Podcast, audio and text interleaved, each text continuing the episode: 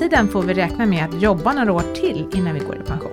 Att gå vid 65 kommer inte längre att vara möjligt för många när riktåldrarna höjs. Samtidigt har vi en annan trend där fler och fler äldre väljer att jobba deltid de sista åren i arbetslivet. Fler 67, 68 och kanske till och med 70-plussare som jobbar deltid och kanske kräver anpassade arbetsplatser av olika slag.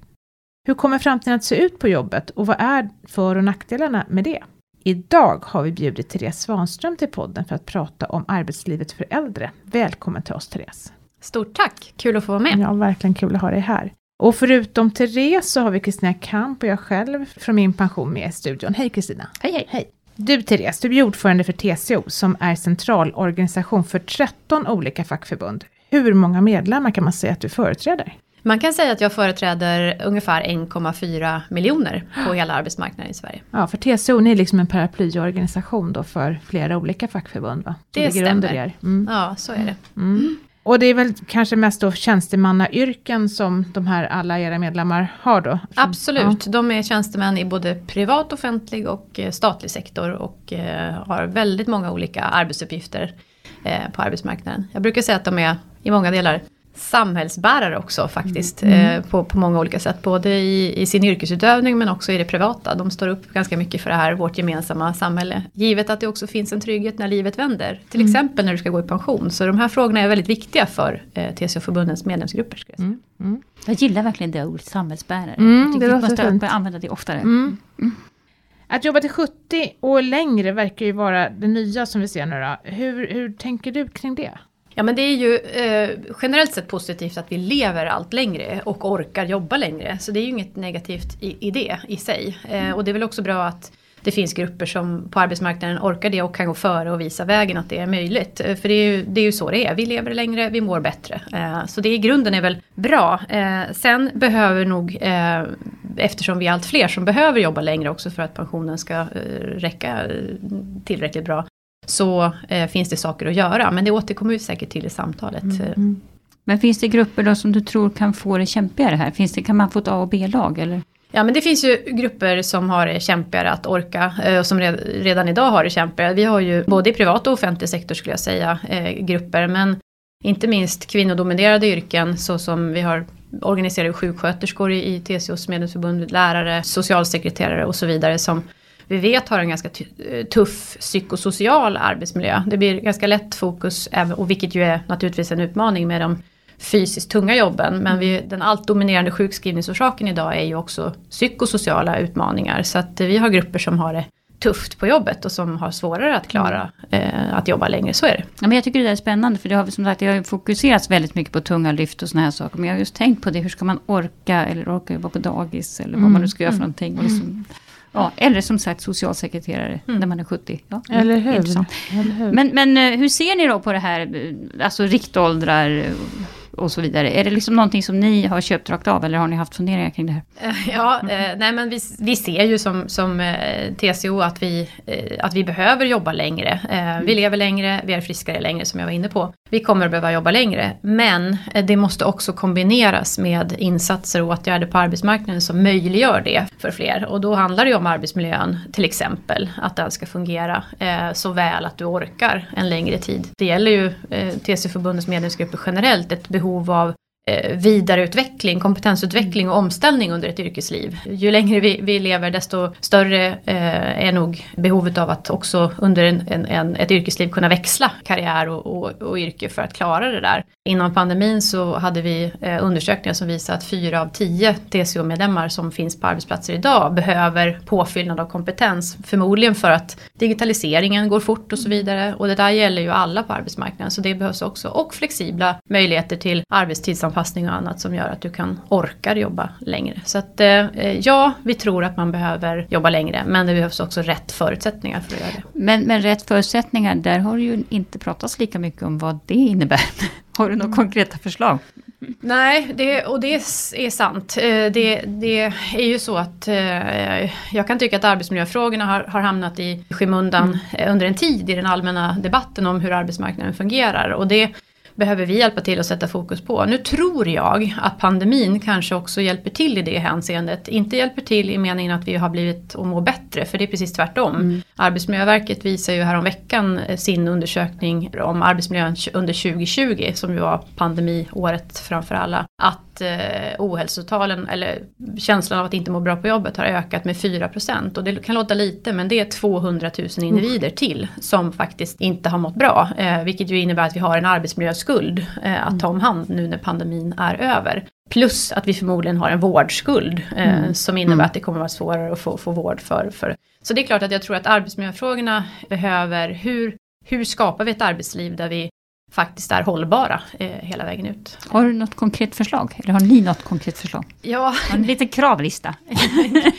Våra medlemsförbund jobbar ju jätteaktivt mm. ute på arbetsplatserna mm. såklart eh, med det här. Och jag tror att dialogen på arbetsplatsen om hur hur den viktigaste resursen på varje enskild arbetsplats, för det är idag medarbetaren. Hur ska vi se till att medarbetaren har förutsättningar att leverera så goda resultat på jobbet och samtidigt må bra. Mm. Eh, och det vet jag att medlemsförbunden i TCO är väldigt duktiga på att hjälpa till via de fackliga ombuden på arbetsplatserna. Så det skulle jag säga är den viktigaste utgångspunkten, att det förs ett samtal på arbetsplatserna om hur gör vi här för att vi ska orka och må bra. Om du får önska något från politikerna, någon liten, någon liten ja. budgetpost eller något. Ja. Jag tänkte, är det någon som lyssnar på hur får ni, hur får ni fram era åsikter uppåt liksom? Neråt förstår jag, men hur går det? Ja, men jag tycker vi får genomslag i, bland annat så, så presenterade ju regeringen ny, en ny arbetsmiljöstrategi på den här sidan året. Eh, den gick ju ut den förra vid årsskiftet och man presenterade en ny arbetsmiljöstrategi. Den tog sikte ganska mycket mer än tidigare på just de psykosociala arbetsmiljöfaktorerna och på frågor som rör tjänstemännens till exempel villkor i arbetslivet. Så det tror jag är en sån där viktigt instrument att, att använda sig av den arbetsmiljöstrategin. Sen tror jag också att den dialog och diskussion vi har med Arbetsmiljöverket för att jobba med, på rätt sätt med föreskrifter, att, att eh, ha den dialogen nära, och det har vi, är, är viktig. Alla de sätt som, alla de aktörer som som finns på arbetsmiljöområdet har ju vi en tät dialog med eh, för att eh, försöka se till att vi har mål och verktyg eh, som är så bra som möjligt för att, för att skapa mm. ett, ett hållbart arbetsliv. Mm. Så ni har span på det här? För att det är det ja, man absolut. ibland känner att, att den kanske liksom, det kommer som en överraskning. Hoppsan ska vi jobba längre. Men ni, ni har liksom tänkt på det här ett slag? Det skulle jag säga att vi ja. har ganska länge. Kan flexpension vara en lösning, tycker du? Eller? För att orka jobba länge? Ja, eh, det, är ju, flexpension är ju framförallt en fråga för de eh, förbund som, för det är, TCO är ju inte en förhandlande part nej, utan nej. det är ju medlemsförbunden som är det. Men vi har ju medlemsförbund i TCO som har slutit flexpensionsavtal där uppfattningen är att det just är ett sätt att faktiskt klara eh, att jobba längre och samt in, i någon utsträckning som gör att man kan eh, också klara pensionen på ett bra sätt. Mm. Så det tror jag, och det mm. kan nog vi komma att se flera sådana lösningar skulle mm. jag säga. Mm. mm. För flexpension, då kommer vi in på tjänstepensioner. Mm. Alltså vid sidan av, nu har vi egentligen flyttat från allmänna pensionen där vi bestämt att det ska höja åldrarna. Och då har man lite grann kontrat från tjänstepensionssidan med att man inför då ökad avsättning till tjänstepensionerna. Eh, och tjänstepensionerna har vi också åldersgränser i de flesta avtal. Eller ja, det händer väl lite grann här också. Man kan både få alltså, en åldersgräns när man, när man ska börja få och framförallt kanske då i det här fallet när man ska sluta få sin tjänstepension. 65 är ju normen fortfarande. Hur tänker ni kring de frågorna? Ja, återigen så är ju det en, en fråga som eh, förhandlande parter, det vill säga mm. de förbund och de förhandlingsorganisationer vi har som jobbar med de här frågorna. Eh, men jag ska säga ändå att vi har ju i de, flera av de senaste avtalen som är slutna av förbunden på, tillsammans med arbetsgivarparten så har det där förändrats. Åldersgränserna har försvunnit i, i mm. de senaste avtalen som är slutna och jag vet att det pågår diskussioner eh, hur, vi, hur tjänstepensionsavtalen ska anpassas relaterat till att vi har en förändrad situation på arbetsmarknaden. Mm. Så att jag tror att det där eh, är en fråga, det har ju hittills varit så att tjänstepensionsfrågorna har hängt med utvecklingen i det allmänna pensionssystemet. Jag har svårt att se att det inte skulle ske nu heller, utan jag tror det där är en successiv utveckling vi ser. Men det kostar ju lite pengar. Ja, eh, och det är ju det förhandlingen ja. handlar om såklart. Ja. Så det är därför jag inte lägger mig i själva Nej. förhandlingsdelen. Det har vi andra som ansvarar för. Ja. Mm. Men jag tänker, hur kommer arbetsplatserna se ut i framtiden? Kommer det vara så liksom att de unga blir lite irriterade på de gamla som är kvar och, och tar plats fortfarande? Jag kommer själv ihåg när jag var, kom ut på arbetsmarknaden och tyckte att 40-talisterna satt där som Britt-Marie! Ja, lite så. De Just satt där som en propp liksom på alla de höga posterna och man fick liksom slå sig fram då. Kommer, kommer vi bli likadana nu för de som kommer efter? Kommer vi vara en sån där böld någonstans som gör ont? Jag kommer inte på något bättre ord. Det räcker väl med proppen Bölden proppen. Ja, det är en intressant fråga. Jag tror ju kanske inte riktigt det. Jag eh, tänker att det som är en av utmaningarna på dagens arbetsmarknad är ju behovet av kompetens. Eh, vi har kompetensbrist så gott som rakt över på arbetsmarknaden. Så jag tror att det kommer att finnas ett stort behov av kompetens i alla åldrar hoppas jag ska behövas. Så att jag tror inte att konkurrensen på arbetsmarknaden kanske kommer att, att stå där. Sen finns, det alltid, sen finns det ju alltid skav på en arbetsmarknad mellan olika, eh, olika grupper. Men jag är, inte- jag är inte säker på att det kommer att vara åldersrelaterat faktiskt. Men, men Nej. där återstår väl att se. Ehm, och eh, som sagt, jag hoppas ju tvärtom att att man också kan eh, dra nytta av varandra eh, om vi får ett arbetsliv där åldersspannet är större. Det finns, eh, det finns kunskap och gedigen erfarenhet hos äldre medarbetare. Det finns eh, nya eh, tankar, idéer eh, från yngre grupper. Att man kan se varandra som en tillgång. kan bli lite spännande. Ja, framtiden, om vi det som. rätt använt Ja. så tror jag att det skulle kunna, det är som på alla arbetsplatser, att väljer vi att använda varandra och se varandra som en tillgång så blir ju det oftast en väldigt bra output av Mm. ett sånt. Men samtidigt, nu lever vi ju då i tider av att visserligen, ja, visserligen hög arbetslöshet, men samtidigt så pratar man ju ändå om liksom brist på kompetens och alltihop det där säger och folk skriker efter liksom människor. Och det är klart, då är det kanske lätt att få jobba kvar. Men i tider av lågkonjunktur så brukar ju alltid komma upp det här att jaha, men varför ska ni jobba kvar då som är så gamla? Kan inte ni ungefär gå hem och ta er pension och, och släppa fram de yngre? Ja, eh, Finns det en risk för att man liksom får den debatten igen då? Att liksom här går 67-åringar och jobbar och dräller.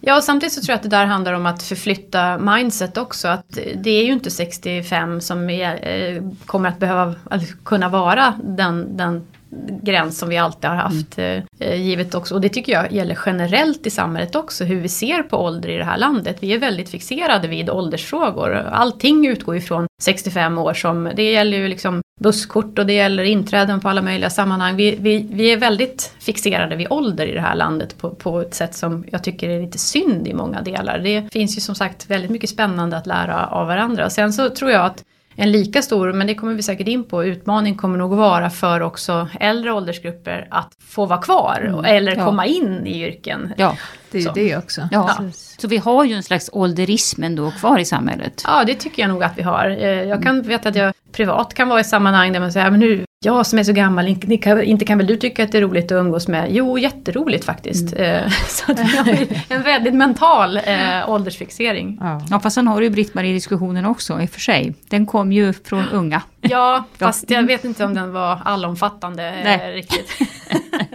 Ja, i och för sig. Jag hör en del ungdomar i min närhet som tycker att det vimlar om Britt-Marie på arbetsmarknaden. Men, Vad spännande. Ja. Å andra sidan har jag själv en egen 16-17-åring hemma som gärna sitter med när man har gäster hemma och Ja. middag och vill prata med vuxna. Så att det, vi, jag tror det där är lite Ja, rakt över. individuellt, så Ja. är det säkert. Men frågan är liksom hur det blir i framtiden, om man, som du sa Kristin, du var nästan inne på det, att om man, om man blir av med jobbet som äldre, Ja. hur lätt kommer det vara att få ett nytt jobb? Hur många arbetsgivare kommer släppa in mig när jag är 60 och inte är specialist på ett område, utan kanske mer en vanlig arbetare?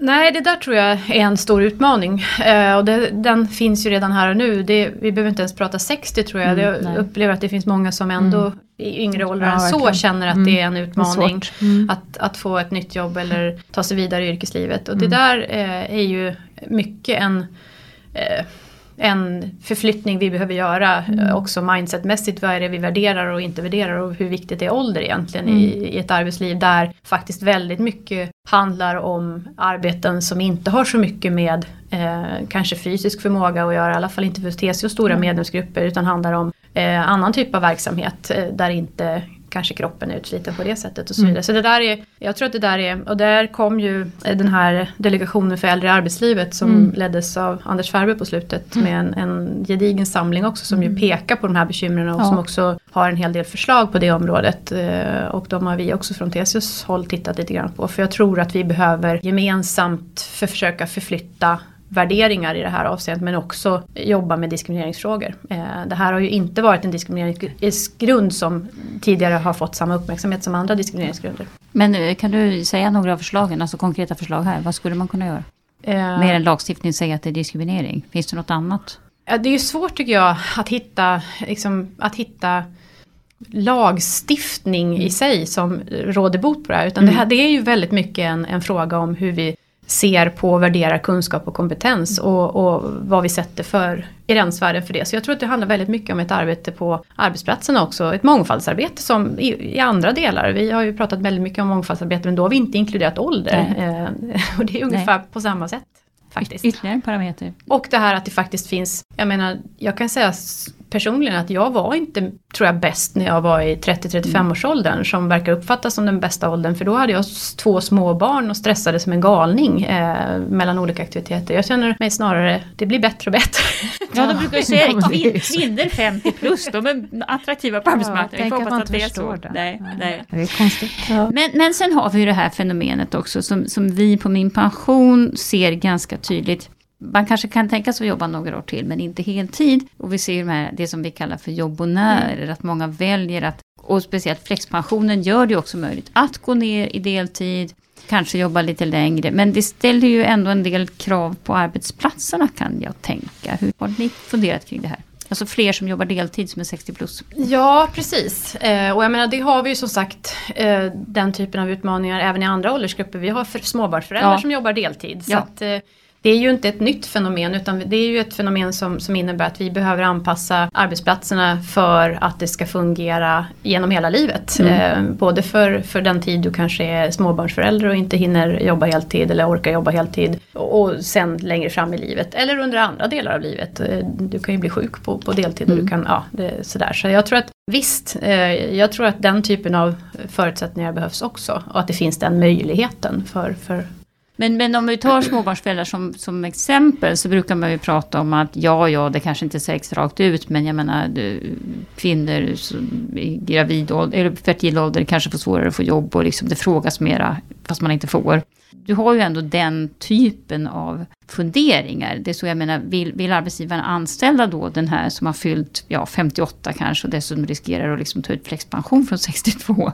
Kan inte det här bli ett bekymmer? Jo men det kan säkert vara en utmaning och samtidigt så kan jag tänka att det också kan vara så att man som arbetsgivare kan se fördelen med att man eh, har personer på en viss tid för en viss typ av kompetens. Eh, arbetslivet idag är ju också flexibelt i den meningen hur mycket, vilken typ av kompetens och hur mycket behöver man av just den kompetensen och så vidare. Så det kan ju också vara en möjlighet för en arbetsgivare att inte anställa någon på heltid utan just den här kompetensen behöver vi och du har den för du har den erfarenheten och den och så vidare. Så att, eh, jag hoppas att, eh, att man kan komma dit också. Fast då kan man ju vända på det och säga då kanske det är så att det inte kommer att finnas heltidsjobb till 60-plussare. För man tycker liksom att ungefär som det blev lite grann när man införde föräldraledigheten. Att plötsligt uppstod 75% tjänster. Ja, nej och det får man ju också naturligtvis se upp med. Och det är väl det som är den här flexibiliteten som, som behövs. Den, den, det är ju en utmaning att se till att det fungerar väl på, eh, för alla. Eh, och det tror jag vi kommer att se, jag menar det är väl den fråga som just nu väcker störst uppmärksamhet eh, i återgången efter pandemin. Hur ska vi se till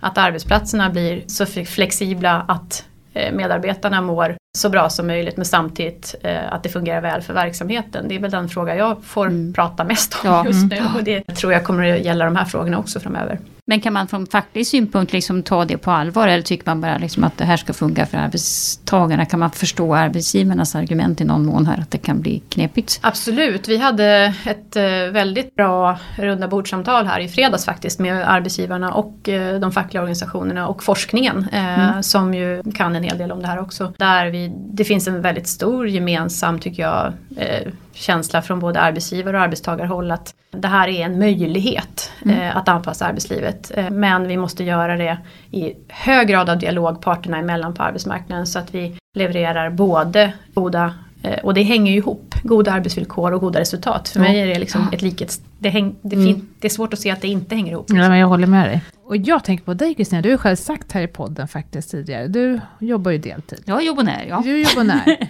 Och du tycker att pandemin faktiskt har varit ganska bra, att du känner att du orkar jobba lite längre nu när du får jobba lite grann hemifrån. Och, Jo, men så är det ju. ja. Visst, visst är det så. Och det, det, men det, det, jag kan ju samtidigt känna då att det, det kanske funkar på min arbetsplats. Men det är ju inte säkert att det... Nej. Och jag jobbar ju inte i vården och ska träffa patienter. Och, Nej. så att Eller som det var någon som flygvärdinna som inte Mm. vill bli Nej, sjukskriven. klart hur, hur blir man sjukskriven på deltid? Det, det finns ju problem med det här också.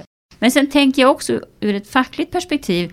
Om man nu har de här glada jobbonärerna som då tar ut lite pension, lever de gott på, så går de och jobbar lite för att det är trevligt att träffa kompisar och jobba lite och så får man lite extra pengar. Men, men då kanske man tappar det här fackliga drivet, att man slåss för bättre arbetsvillkor och högre lön och bla bla bla. För jobbet är ju liksom inte den primära inkomstkällan nästan.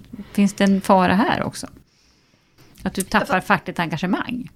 Ja, fast samtidigt tänker jag att om man väljer att jobba kvar i arbetslivet på de premisser du eh, nämner så tänker jag att då finns det ett engagemang för arbetet. Och då tror jag att man också i grunden har ett engagemang för hur det funkar på arbetsplatsen. Annars kanske man väljer att inte vara kvar. Och, och då tror jag att engagemanget och viljan att bidra till en väl fungerande arbetsmiljö, en väl fungerande arbetsplats borde inte vara mindre eh, och sämre. Kanske till och med finns mer tid för att vara engagerad i de frågorna än vad det gjorde tidigare. Eh, men jag är optimistiskt lagd, men det är så, så tänker så jag. tänker du ja. Så tänker jag. Ja, ja.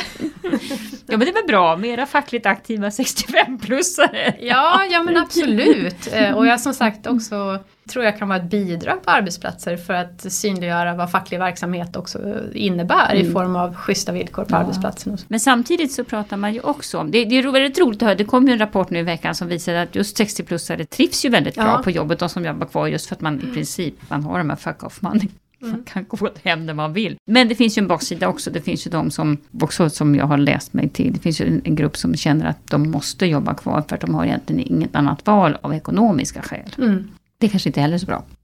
Nej, så är det ju. Och det där, men det gäller ju också generellt. Alltså, Vi behöver ju som sagt jobba längre och då handlar det ju om förutsättningar för, för alla grupper på arbetsmarknaden att kunna göra det. Så att eftersom vi behöver jobba längre, men kanske också andra insatser och åtgärder inom ramen för pensionssystemet Mm. eh, för att eh, se till att vi har en allmän pension som är så pass bra att den hänger med eh, pensionsutvecklingen. Ja, är det viktigare att höja avgiften i pensionssystemet, allmänna pensionen, än att satsa på eh, ökad avsättning till tjänstepension? Jag tror att eh, båda delarna är viktigt. Vi, och det som jag tycker är viktigt är ju att vi behåller någon form av, av nivå i det allmänna pensionssystemet som gör att det finns en, en statlig pensionsdel som är förutsägbar, som är vi vet vad, vad den innebär och som eh, är på en sån nivå att den innebär ändå en grundtrygghet som är tillräckligt bra. Eh, det är viktigt för oss. Och därför är för oss också, har vi också pekat på avgiftshöjning som ett sätt att, att nå dit. Att från de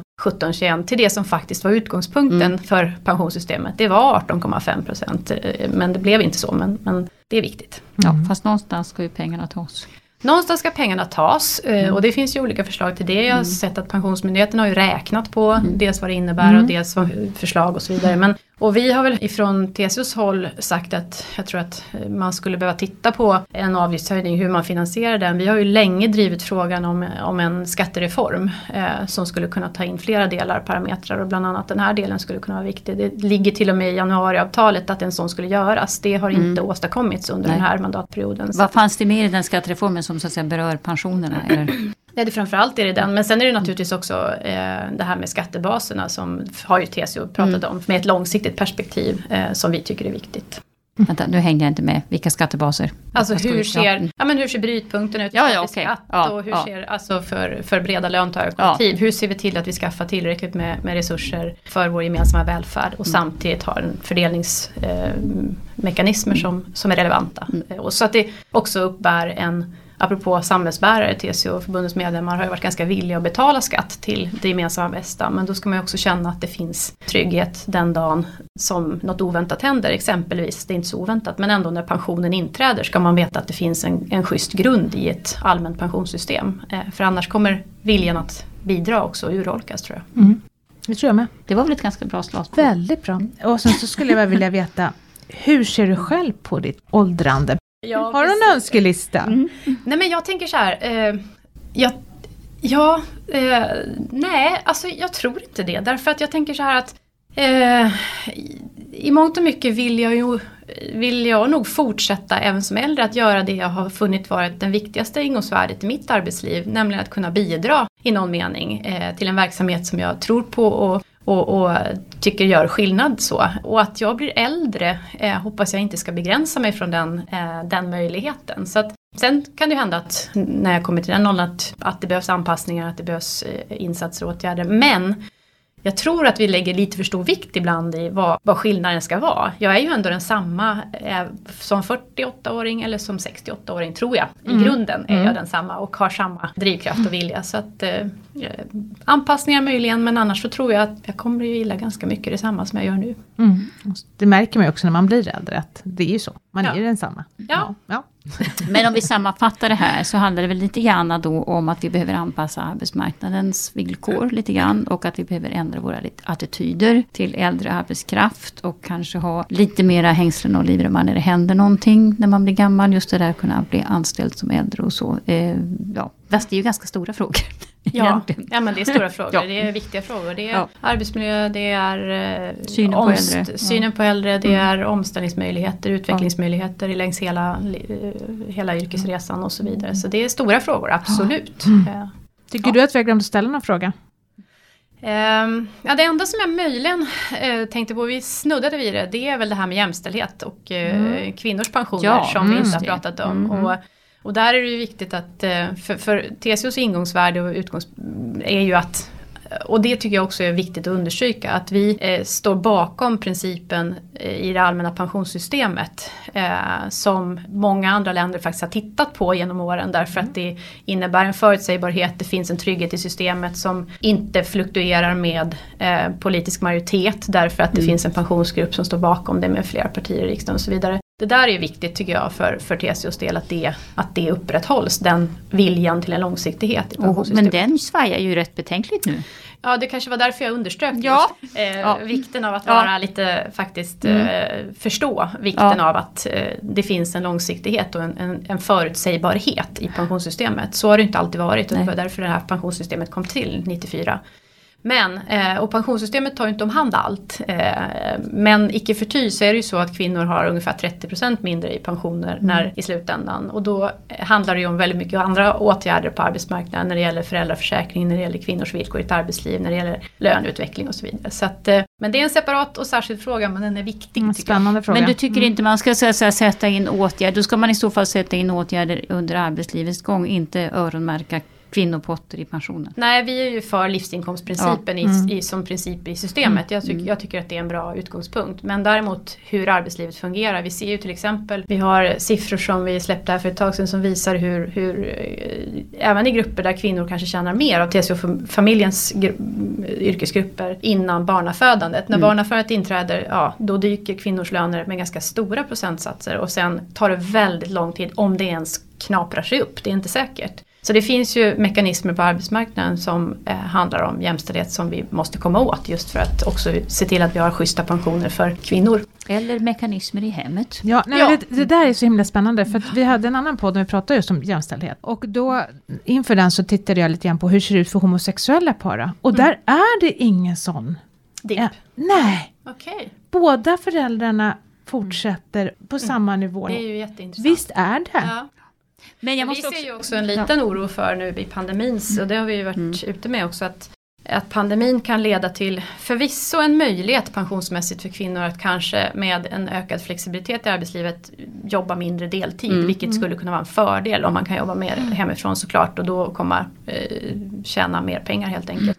Och mer pensionspengar eh, så småningom. Men det finns ju också en risk, eh, för vi har tittat på eh, under hela tiden följt TCO-förbundens medlemmars upplevelse av, av, av, inte minst både de som har jobbat hemma och de som har jobbat på arbetsplatsen. Och det visar sig att män blir mer stressade av att jobba hemifrån. Hemma, ja, det, eh, kvinnor ja tycker att livspusslet går ihop ja. mycket bättre. Mm. Och, och, den senaste undersökningen vi gjorde visar att cheferna ser att det finns stora risker för A och B-lag på ja. arbetsmarknaden. När de som kommer att jobba mer på arbetsplatsen blir de som får närheten till informationsflöden, mm. eh, spännande arbetsuppgifter eh, och kanske vad vet jag, i slutändan löneutveckling. Vi får se. Det är i alla fall en, en, en, signal som jag har tagit på stort allvar. Så då ökar klyftorna ännu mer. Ja, jag måste bara berätta, det, vi gör ju på Min Pension undersökningar om framtidens pensioner. För vi tittar ju på de som gör prognoser och vi har ju då följt 50-talister, 60-talister, 70-talister och 80-talister. Och det som ändå är hoppfullt får man väl ändå säga det är att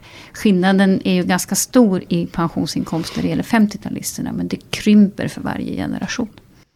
Sen vet vi inte hur 80, men vi tycker ändå att 80-talisterna har ju ändå hunnit med den barnafödande åldern till stor ja. del. Så vi hoppas på dem nu. Ja, och sen måste jag säga att eh, det känns som liksom, frågan om pension blir allt mer intressant. Ja, även i yngre åldersgrupper. Ja. Allt fler intresserar sig för pension, vad man får i pension så småningom. Eh, och det är ju bra. Mm. För det är ju bra förutseende tänkande. Hur får jag ett gott liv hela ja, livet. Precis. Och sen hoppas jag att in, ingen längre tror att det är de 15 bästa åren som räknas. Nej, nej, nej. Det är förlegat. Ja. Tack för att du kom hit idag Therese. Stort tack för att jag fick vara med. Väldigt intressant att prata med dig om äldre arbetsliv. Ja. Mm. Och tanken är ju att vi ska ha flera faktiskt poddar i samma tema så ni får mm. lyssna vidare. Precis, precis. Mm.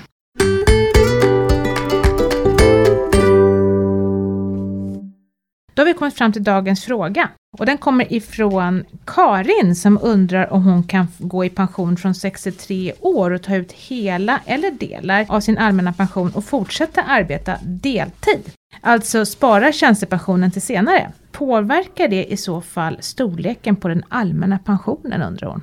Det där är ju en typisk jobbonär skulle jag vilja säga. Mm. Eh, hon gör det som många önskar att få göra. Och Ja, det påverkar den allmänna pensionen så tillvida att hon får ju lite mindre intjänande de här åren när hon går ner i tid eftersom lön och pension ju hör ihop. Mm. Men om alternativet är att sluta jobba helt och hållet så är det ju väldigt mycket bättre att gå ner på deltid och få ut faktiskt en del allmän pension. Och det går alldeles utmärkt att kombinera att ta ut delar av eller hela den allmänna pensionen. Man kan ta ut bara 25 procent om man tycker att det räcker.